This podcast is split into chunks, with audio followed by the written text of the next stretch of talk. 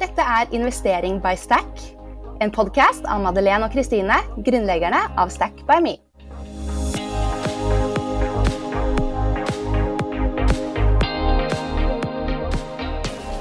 Hallo! Hyggelig at du tuner inn her på Investering by Stack. Vi skal snakke om penger og investering. Og denne episoden er sponset av ABG Sundal Collier Women in Finance-stiftelsen. Huh, var langt navn. Men ja, hallo, så kjempekult! Ja, og i dag så blir det veldig mye pengesnakk, for gjesten i dag er en skikkelig proff type som forvalter store summer med penger.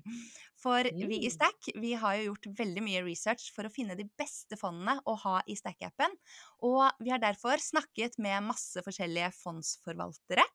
Så vi har tenkt at vi har veldig lyst til å ha med noen av dem her i poden for å gi dere et bedre perspektiv på hva et fond er, og folkene bak, og bare hvordan de jobber. For det er veldig interessant. Og gjesten vår i dag, det er Hans Marius Ludvigsen fra DNB Asset Management. Og han forvalter et fond som heter DNB Nordic Small Cap, som vi også har i Stack-appen. Og på papiret så er han en skikkelig wonderboy med topputdannelse fra Berkeley. Og han har bl.a. vært i Pareto og Svedbank før DNB. Så velkommen hit, Hans Marius. Tusen takk, og takk for, for varme ord. Det var, det var voldsomt på en, på en fredag. Ikke sant? Men uh, fortell uh, gjerne med egne ord, da, hvem du er. Er du, er du en skikkelig Wonderboy, eller? Nei, det, det, er vel ikke det jeg ville betegnet meg selv som. Men jeg, jeg heter jo Hans Marius Ludvigsen. Jeg har rukket å bli 33 år. Jobber jo da som fondsforvalter i, i DNB, hvor jeg da forvalter dette, dette nordiske smallcap-fondet. Uh, og utover det så, så, er det vel et ganske kjedelig liv jeg lever, egentlig.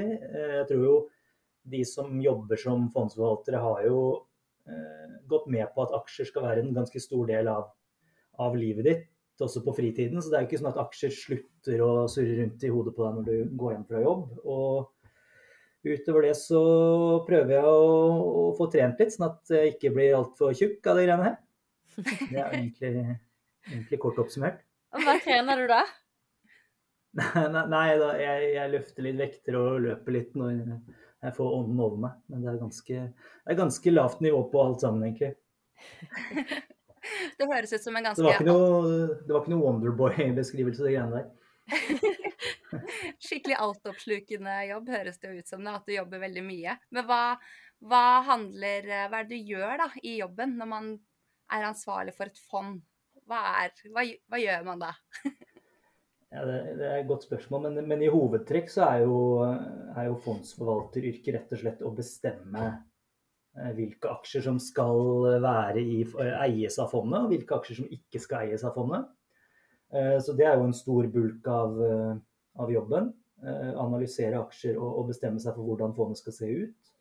Eh, og så er det jo en annen del av fondet som er rett og slett å, å, få solgt dette fondet. For vi lever jo av å forvalte i stor grad andres penger. Og, og det er klart at både, både forvaltningen og, og, markedsføringen av fondet er viktige deler av jobben. Ikke sant. Og kan ikke du ta litt om fondet ditt også, da? Jo, det er et nordisk eh, SMB-fond. Det heter som sagt DNB Nordic Small Cap. Og det vil si at vi investerer i eh, de litt mindre børsnoterte selskapene i Norden.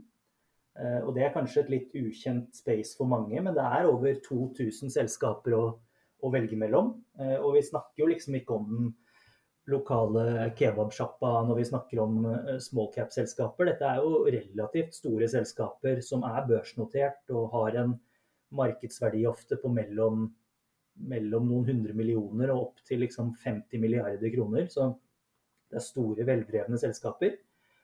Uh, og, og, vi jobber da med å identifisere de beste av disse, disse 2000 selskapene og, og, være investert i over tid. Og historisk så har vi jo sett at det med nordiske smallcap-aksjer har vært uh, kilde til ekstremt god avkastning. Altså De siste 20 årene så, så vet jeg knapt om, en, om et aksjeunivers, verken sektor eller geografisk, som har gitt noe særlig bedre avkastning enn nordiske smallcap-aksjer. da.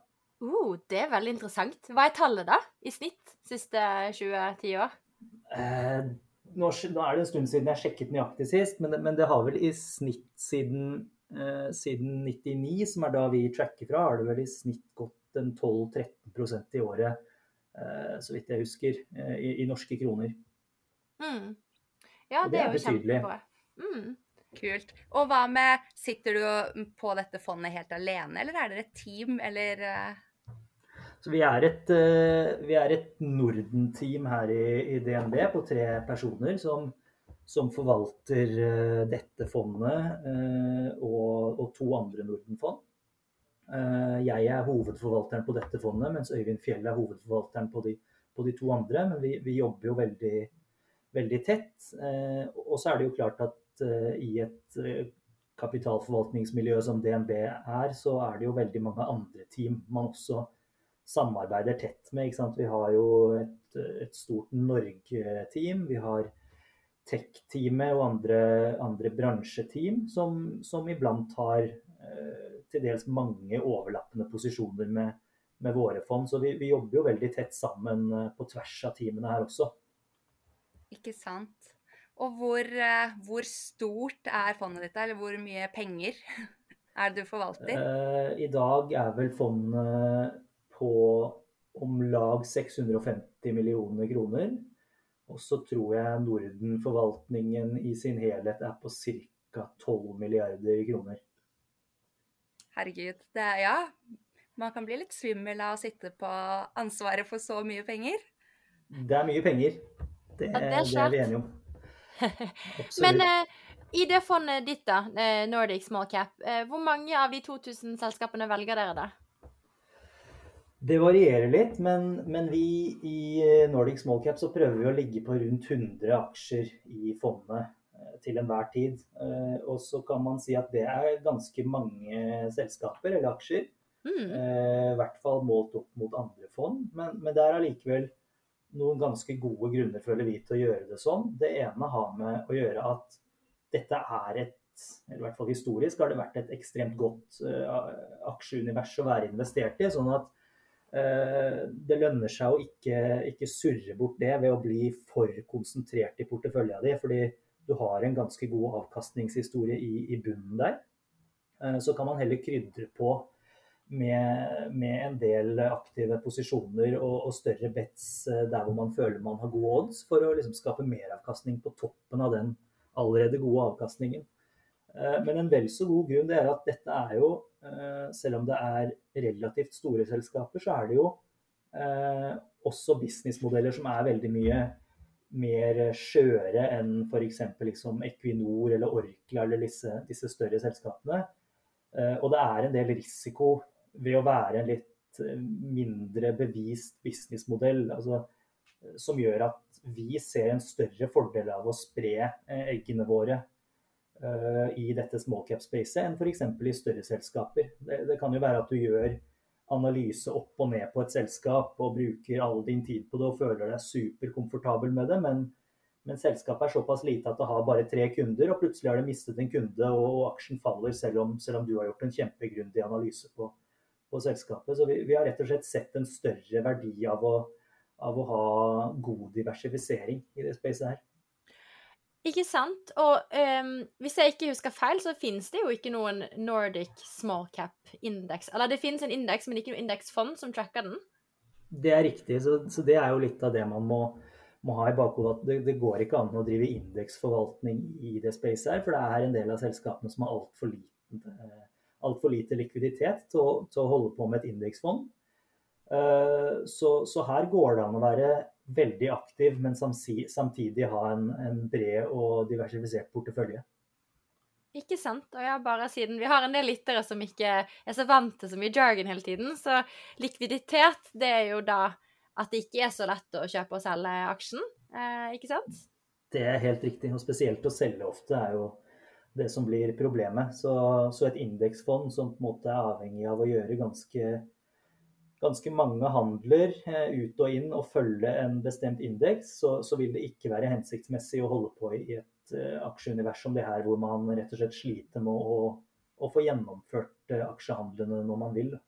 Mens man som aktiv forvalter kan, kan unngå de utfordringene det fører med seg, og heller kanskje snu det til sin, til sin fordel. Ok, Bare ett siste spørsmål fra meg da på jobben din. Hva er dette fondet, som vi syns er veldig spennende.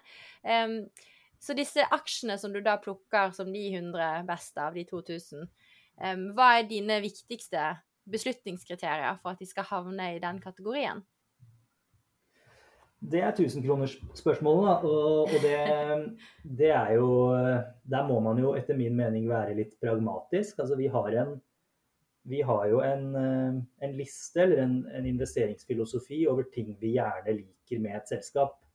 Eh, vi liker alt annet likt at selskapet vokser. Eh, vi liker at selskapet opererer i et strukturelt voksende marked. Vi liker selskaper som har prisingsmakt og leverer et, et produkt eller en tjeneste som har veldig høy nytteverdi for, for kunden. Vi liker selskaper som kan skalere, altså at Eh, mer eh, topplinje gir også høyere marginer. Eh, vi liker selskaper som har en god balanse, en god ledelse, og selskaper som også kan gjøre oppkjøp med, innenfor sin bransje. Og så er det jo sånn at det fins ikke alltid så veldig mange selskaper som har alt det, og da må man jo være litt pragmatisk på hvor mange av disse kravene man skal få oppfylt. Men, men det er i hvert fall start utgangspunktet vårt at vi, vi, liker den type selskaper. Og jo flere av de boksene du, du kan krysse av, jo, jo, bedre er det. Eh, og så er det selvfølgelig sånn at en del av de selskapene som har mange av disse kvalitetene, kan ha en høy pris også. Eh, og det er jo avveiningen til enhver tid, da, hvor, man, eh, hvor mye man vil file på kravene sine for å heller få en aksje litt billigere. Så, så, det er ikke noe fasitsvar på det, men, men, jeg tror hvis man går over fondet og porteføljen, så, så vil man se at uh, det er aksjer som, som vokser, og, og, som har en relativt høy nytteverdi for kundene. Jeg tror det er de, de viktigste kriteriene, egentlig. Ikke sant. Også når dere finner disse selskapene, da. Hvordan gjør dere det da? Tar dere og bare skyter inn en stor ticket og kjøper masse aksjer der, eller Faser dere det inn over tid, eller eh, hvordan jobber dere med det? Det også er, eh, er jo en, en, kunst og noe som varierer fra, fra aksjecase til aksjecase. Ofte er det jo sånn at man gjør analysen sin på et selskap, man treffer ledelsen, man bygger modellen sine eh, og gjør seg opp en mening om, om aksjen er et godt kjøp eller ikke.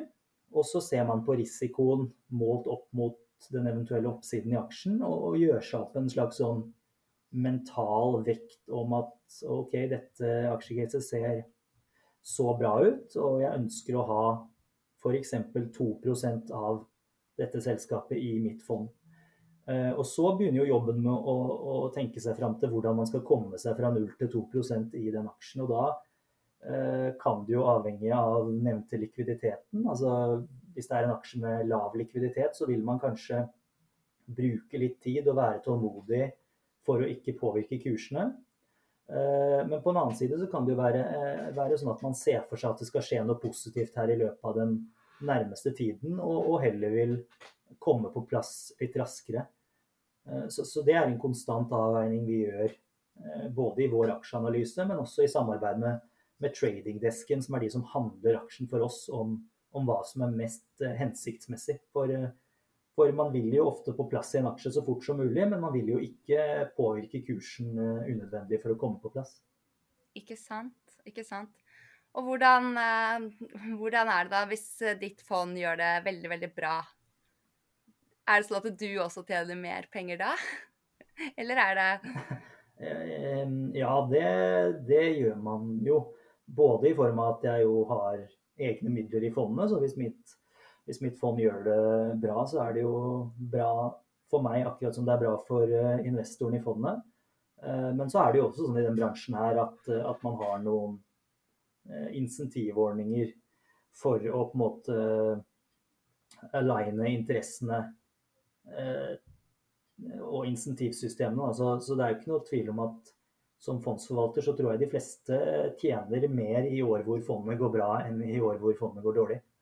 Ja, og da tjener jo, får jo alle mer penger ut av det. Holdt jeg på å si alle som har investert også.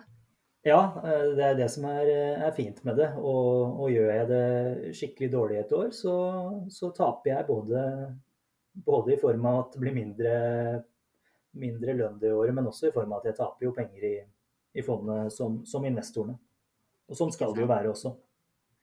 Og vi har jo hatt eh, en annen fondsforvalter i poden her tidligere, men det var et mye mer sånn privat fond som det var ganske stor minimumticket for å være med i. Men hvordan er det med ditt fond? Er det, er det noe som hvem som helst alle kan kjøpe?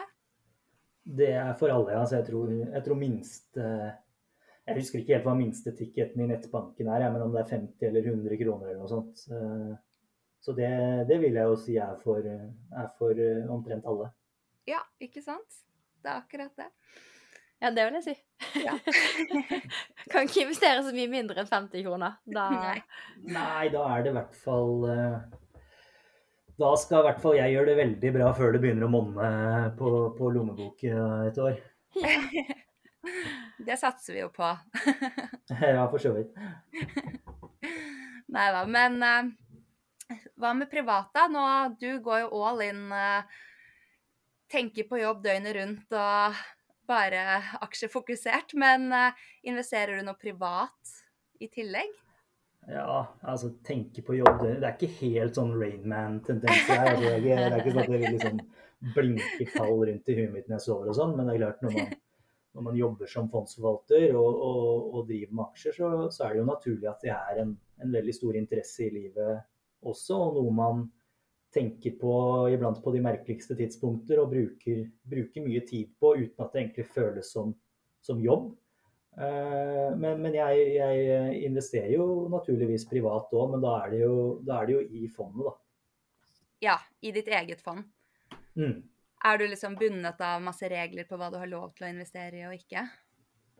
Eh, ja, det er det for så vidt. Det er, det er ganske strenge regler på hva man kan investere i. og og jeg kan jo naturligvis ikke eie enkeltaksjer i eh, det samme aksjeuniverset som fondet mitt opererer i, for det hadde jo bydd på en del utfordringer. Eh, men jeg, altså jeg er ganske fri til å eie hvilke fond jeg vil. Men jeg tenker at uh, med mindre man har mista helt selvtilliten når man driver og putter inn så mange timer i det her som jeg gjør, så er det veldig naturlig å, å putte pengene sine i sitt eget fond. Ja, ikke sant. Men uh, ja, det skjønner jeg. Men hvordan, hvordan startet det her for deg, da? Liksom hele denne interessen. Nå sitter du her på den kule jobben, men du, ble du liksom interessert i dette her veldig ung, og at det på en måte hele tiden har tatt Eller at du har hatt en drøm om å gå den veien du har gjort? Liksom valgt finans fra tidlig av?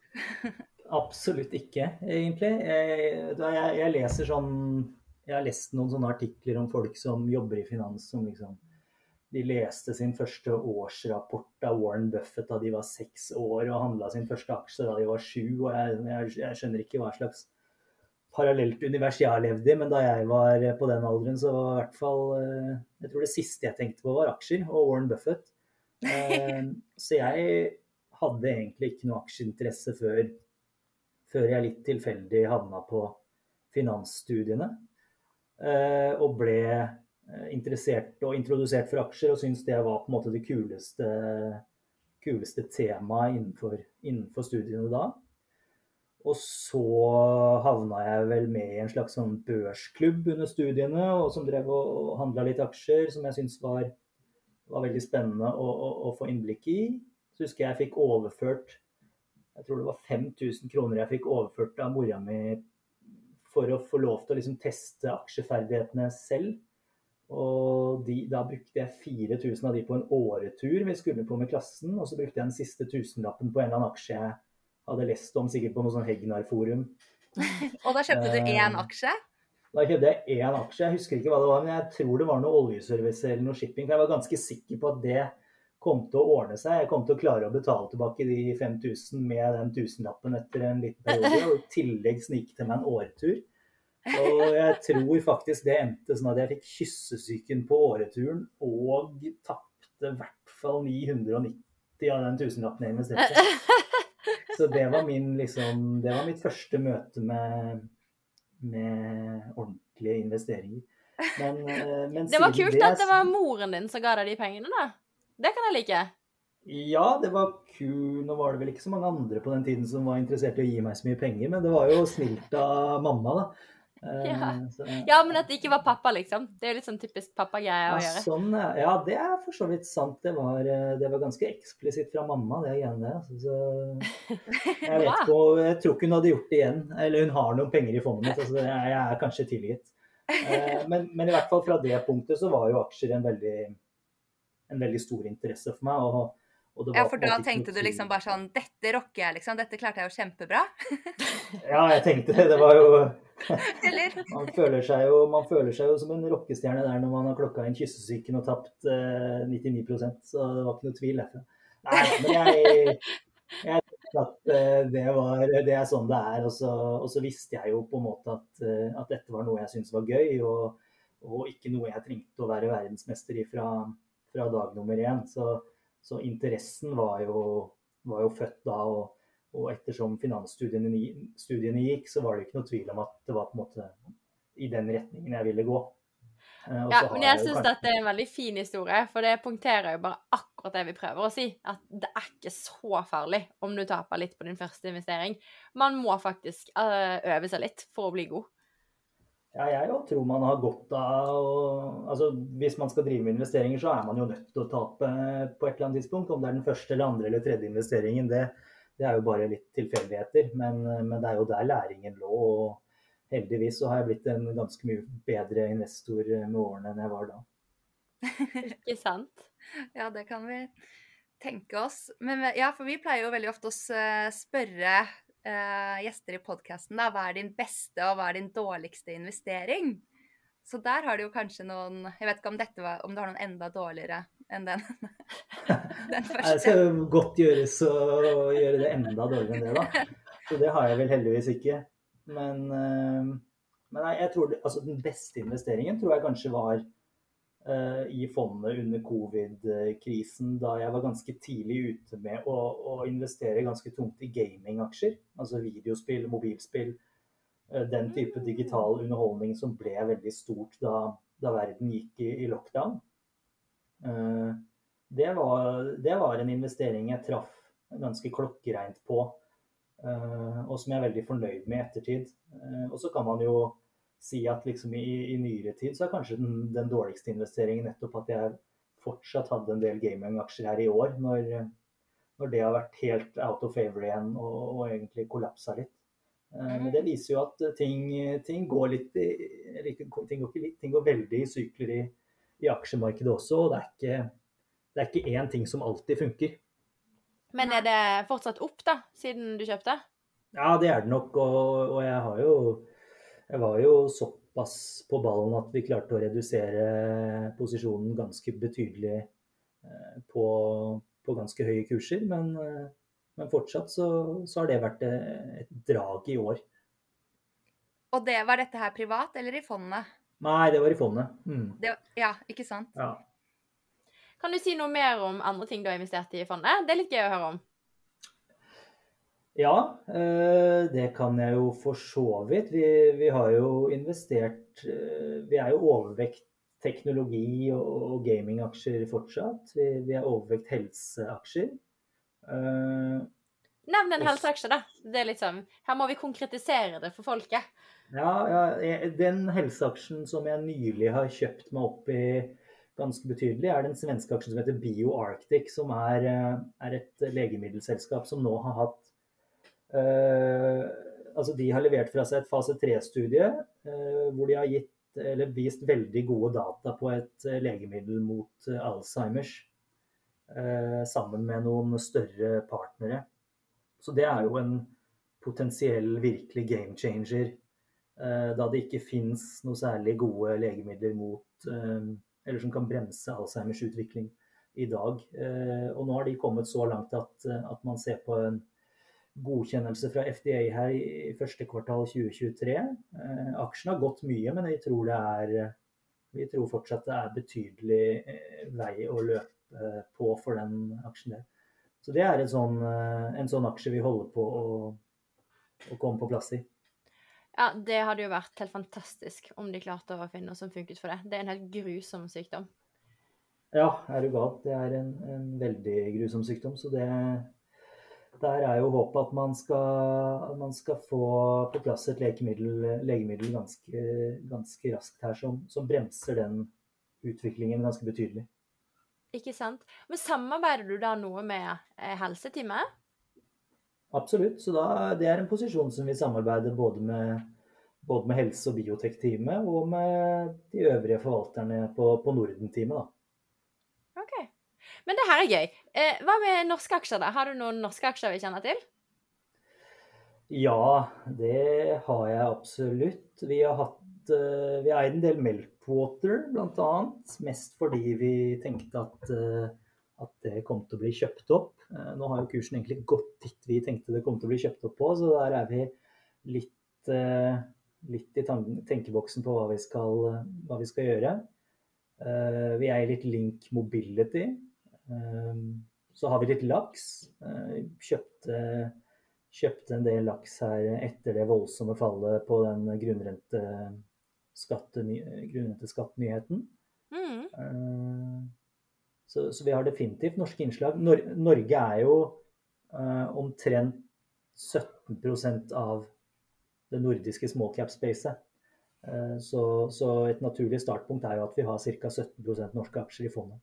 Og, og all olje- og, olje og shipping-eksponering vi har, er jo også all, i hvert fall Brorparten av den uh, olje- og shipping-eksponeringen er jo norsk.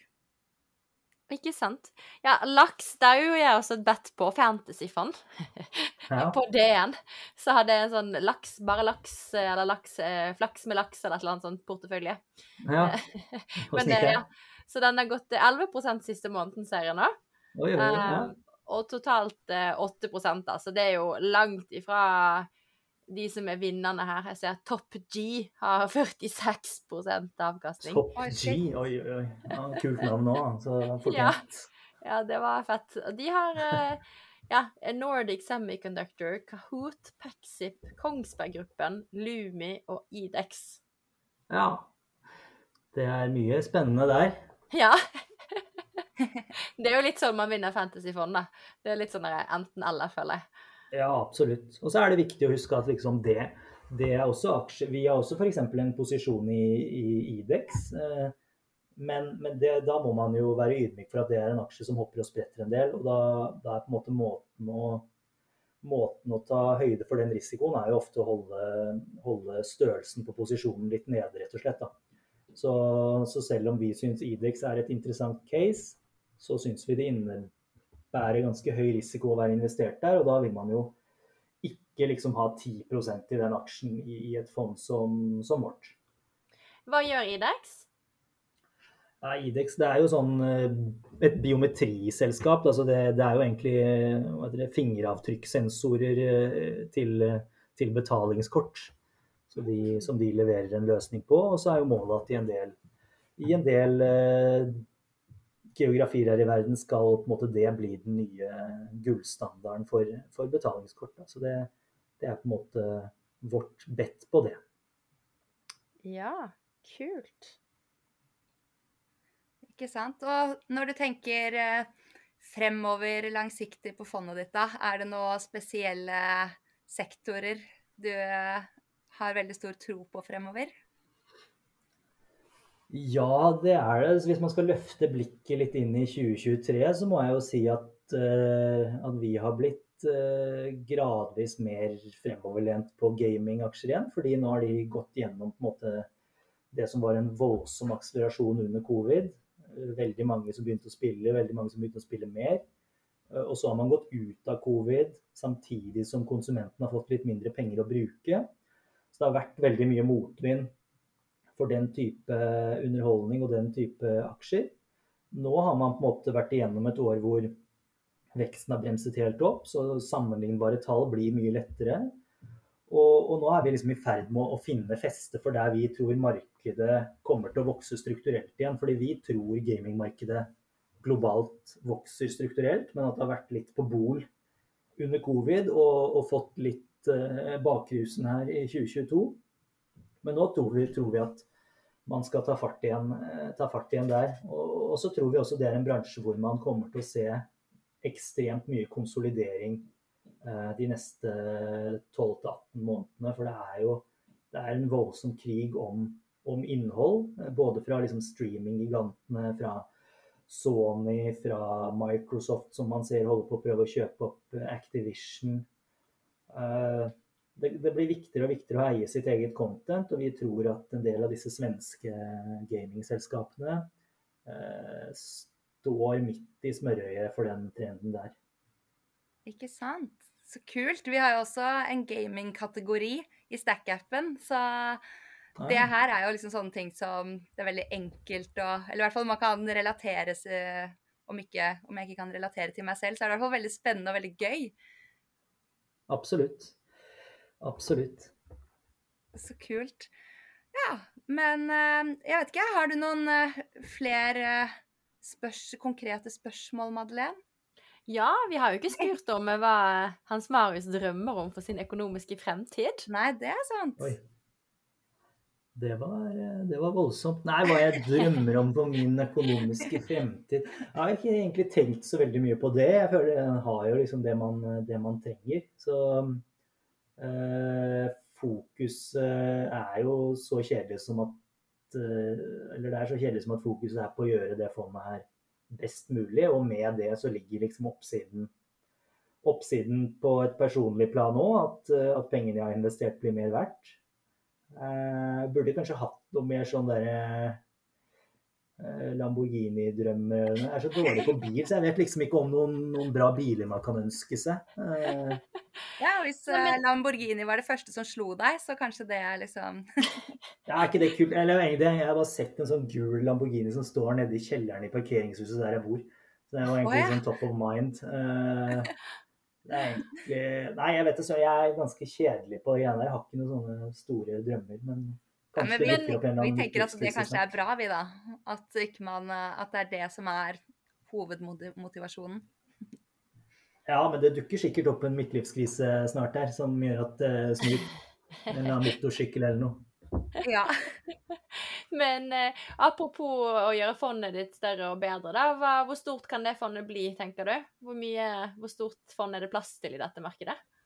Det er et godt spørsmål. Det er, det er, jo, det er jo, sånn at uh, de beste aksjene de siste tre årene Der er det på en måte overrepresentert av de minste selskapene. Så selskapene som har en markedsverdi på la oss si under 1 milliard kroner, eller i hvert fall under 2 milliarder kroner. Eh, og hvis det er en trend som skal fortsette, som vi tror, eh, så kan man jo ikke bli for stor. For da, da er det rett og slett eh, Hvis fondet blir for stort i forhold til selskapet du skal investere i, så får du liksom ikke opp noen meningsfull posisjon. Så vi har vel sagt at det er ikke noe problem å ha to milliarder kroner under forvaltning. Og man skal vel også klare å komme seg opp til fem uten at det går for mye på bekostning av hvordan vi ønsker å investere. For vi ønsker å kunne være aktive i, i de minste selskapene der vi ser at det er en gyllen mulighet til, til uh, avkastning. Uh, så opp til fem. Over der så tror jeg det blir vanskelig å, å holde på sånn vi har lyst til å holde på. Uh, for, for, vi ser jo at det er mange fond som er større enn det, og som sliter med å ta betydelige posisjoner i de minste selskapene. Og det er en mulighet som vi, vi ønsker å beholde. Ikke sant. Så litt plass igjen ennå, men man får følge med da, og slenge seg på før det, før det blir for sent. Absolutt. Det er ikke utsolgt. Så ærlig får vi eh, være.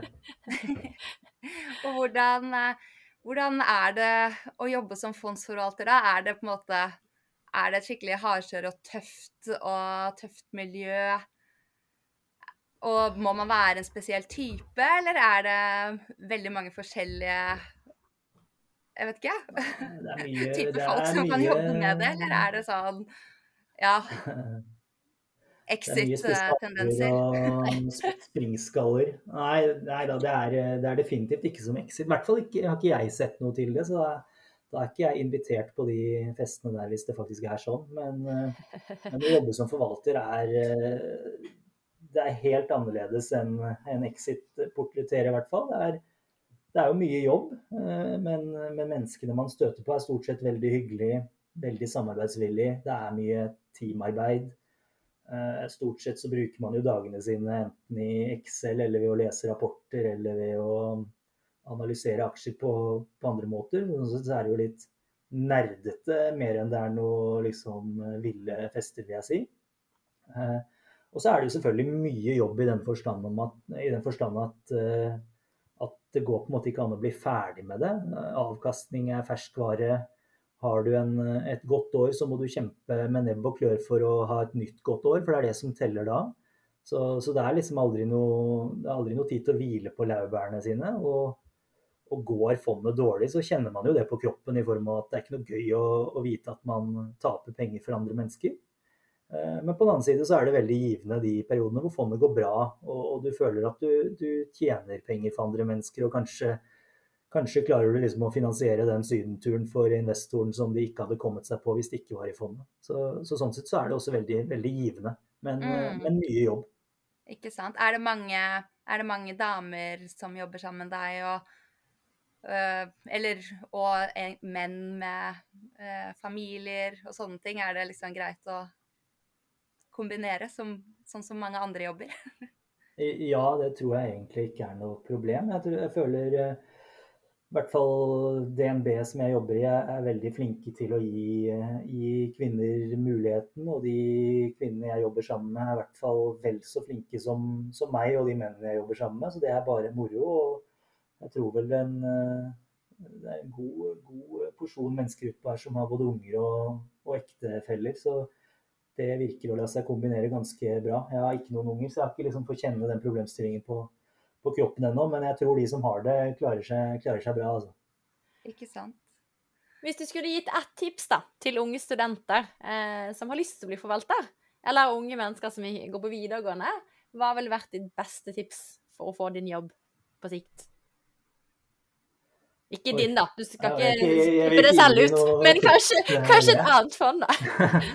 Nei, jeg, jeg, vet, jeg syns alltid det er så vanskelig å gi sånne tips, for det høres ut som jeg har gjort alt rett. Og det har man jo gjennom podkasten fått høre at det har jeg i hvert fall ikke. Men jeg tror vel liksom det viktigste fra eh, videregående og fram til man skal begynne å jobbe i finansbransjen, det er å bare være uh, At dette er en, en interesse og en hobby på lik linje med fotball eller, eller, hva enn du har som hobby. Fordi, fordi du må liksom ha den iboende interessen for aksjer hvis dette skal være gøy å jobbe med. Eh, jeg kunne aldri vært fondsforvalter med alt det presset og alt det arbeidet det fører med seg, hvis ikke jeg syntes det var oppriktig gøy å jobbe med aksjer, og, at jeg hadde en genuin interesse for å analysere disse selskapene.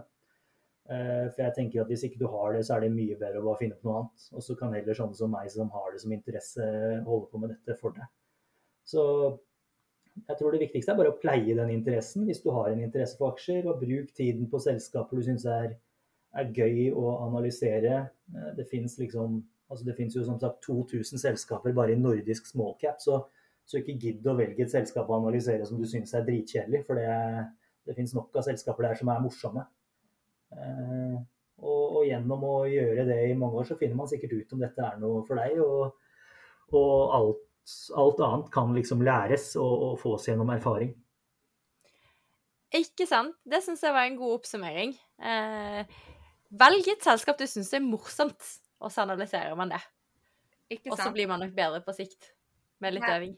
Ja, og det er jo sånn som vi også vel, går veldig ut og sier til som vi får engasjement rundt. da, At man bare ja, man kan akkurat det.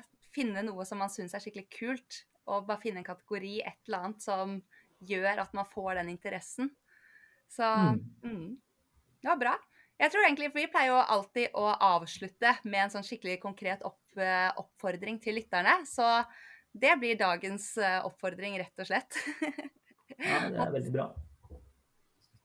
Ikke sant? Finn en aksje man syns er litt spennende eller interessant, om det er Orkla-aksjen, eller om det er Idex, eller hva som helst. Bare sett dere ned, se litt på årsrapporten, gjør deg opp en mening om produktene. Kanskje, ja hvis man eh, har tid, eh, sette seg ned med eh, litt modell, faktisk. Hvis man er student og ønsker å bli forvalta. Tror jeg det kan være veldig lurt.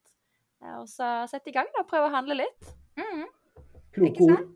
Ja, men eh, og egentlig så renner jo tiden litt ut her også, så jeg tror vi har vært gjennom igjennom veldig mye bra nå. Så tusen, tusen takk eh, for all deling og alt, Hans Marius. Det har vært skikkelig Det virker jo skikkelig gøy. Og du er skikkelig Ja, superimponerende alt det du gjør. Så veldig gøy.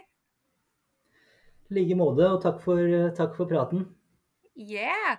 Og vi oppfordrer alle til å følge podkasten, enten du hører i Spotify eller på Apple. Så får dere en varsel hver gang det kommer en ny episode, som er annenhver uke. Så tusen takk for nå. Takk for tiden din, Hans Marius. Ha det bra. Ha det godt. Ha det. Og for dere som er studenter, så hold linjen ett minutt til, så skal dere få høre noen ord fra Marianne i ABG-stiftelsen. Hei, mitt navn er Marianne Daa, og jeg jobber for ABG Sunda Collier-stiftelsen Women in Finance. Vårt mål er at flere kvinner skal velge en karrierevei innen finansbransjen. Derfor støtter vi ulike initiativ som kan bidra til at flere kvinnelige studenter velger finansretningen, og at kvinner som allerede har startet å jobbe her, blir værende. Vi må bl.a. bidra til at unge jenter og kvinner får nok informasjon om de mulighetene som finnes i finans, slik at når valget om karrierevei skal tas, er en karriere innen finans et av alternativene. Det finnes mange grunner til hvorfor en finanskarriere er et godt valg. En jobber med meningsfulle og spennende oppgaver, har varierte arbeidsdager og får mye innsikt i ulike bransjer og sektorer, samt møter interessante kunder og investorer. Og i tillegg, den kompetansen en opparbeider seg med erfaring fra finans, kommer alltid til nytte. Så hva kan vi gjøre for å få flere kvinner til å velge å jobbe i finans? Det ønsker vi hjelp til å finne svaret på. Stiftelsen støtter initiativ som bidrar til at interessen for finans øker blant kvinner, som Women in Finance studentforeningene, og podcaster som denne her, som sprer god informasjon om investeringer. Har du en god idé til flere initiativ som kan bidra til å øke antallet og bedre tilrettelegge for kvinner i finans, håper vi at du sender en søknad om støtte til ABG Sunda Collier-stiftelsen Women in Finance.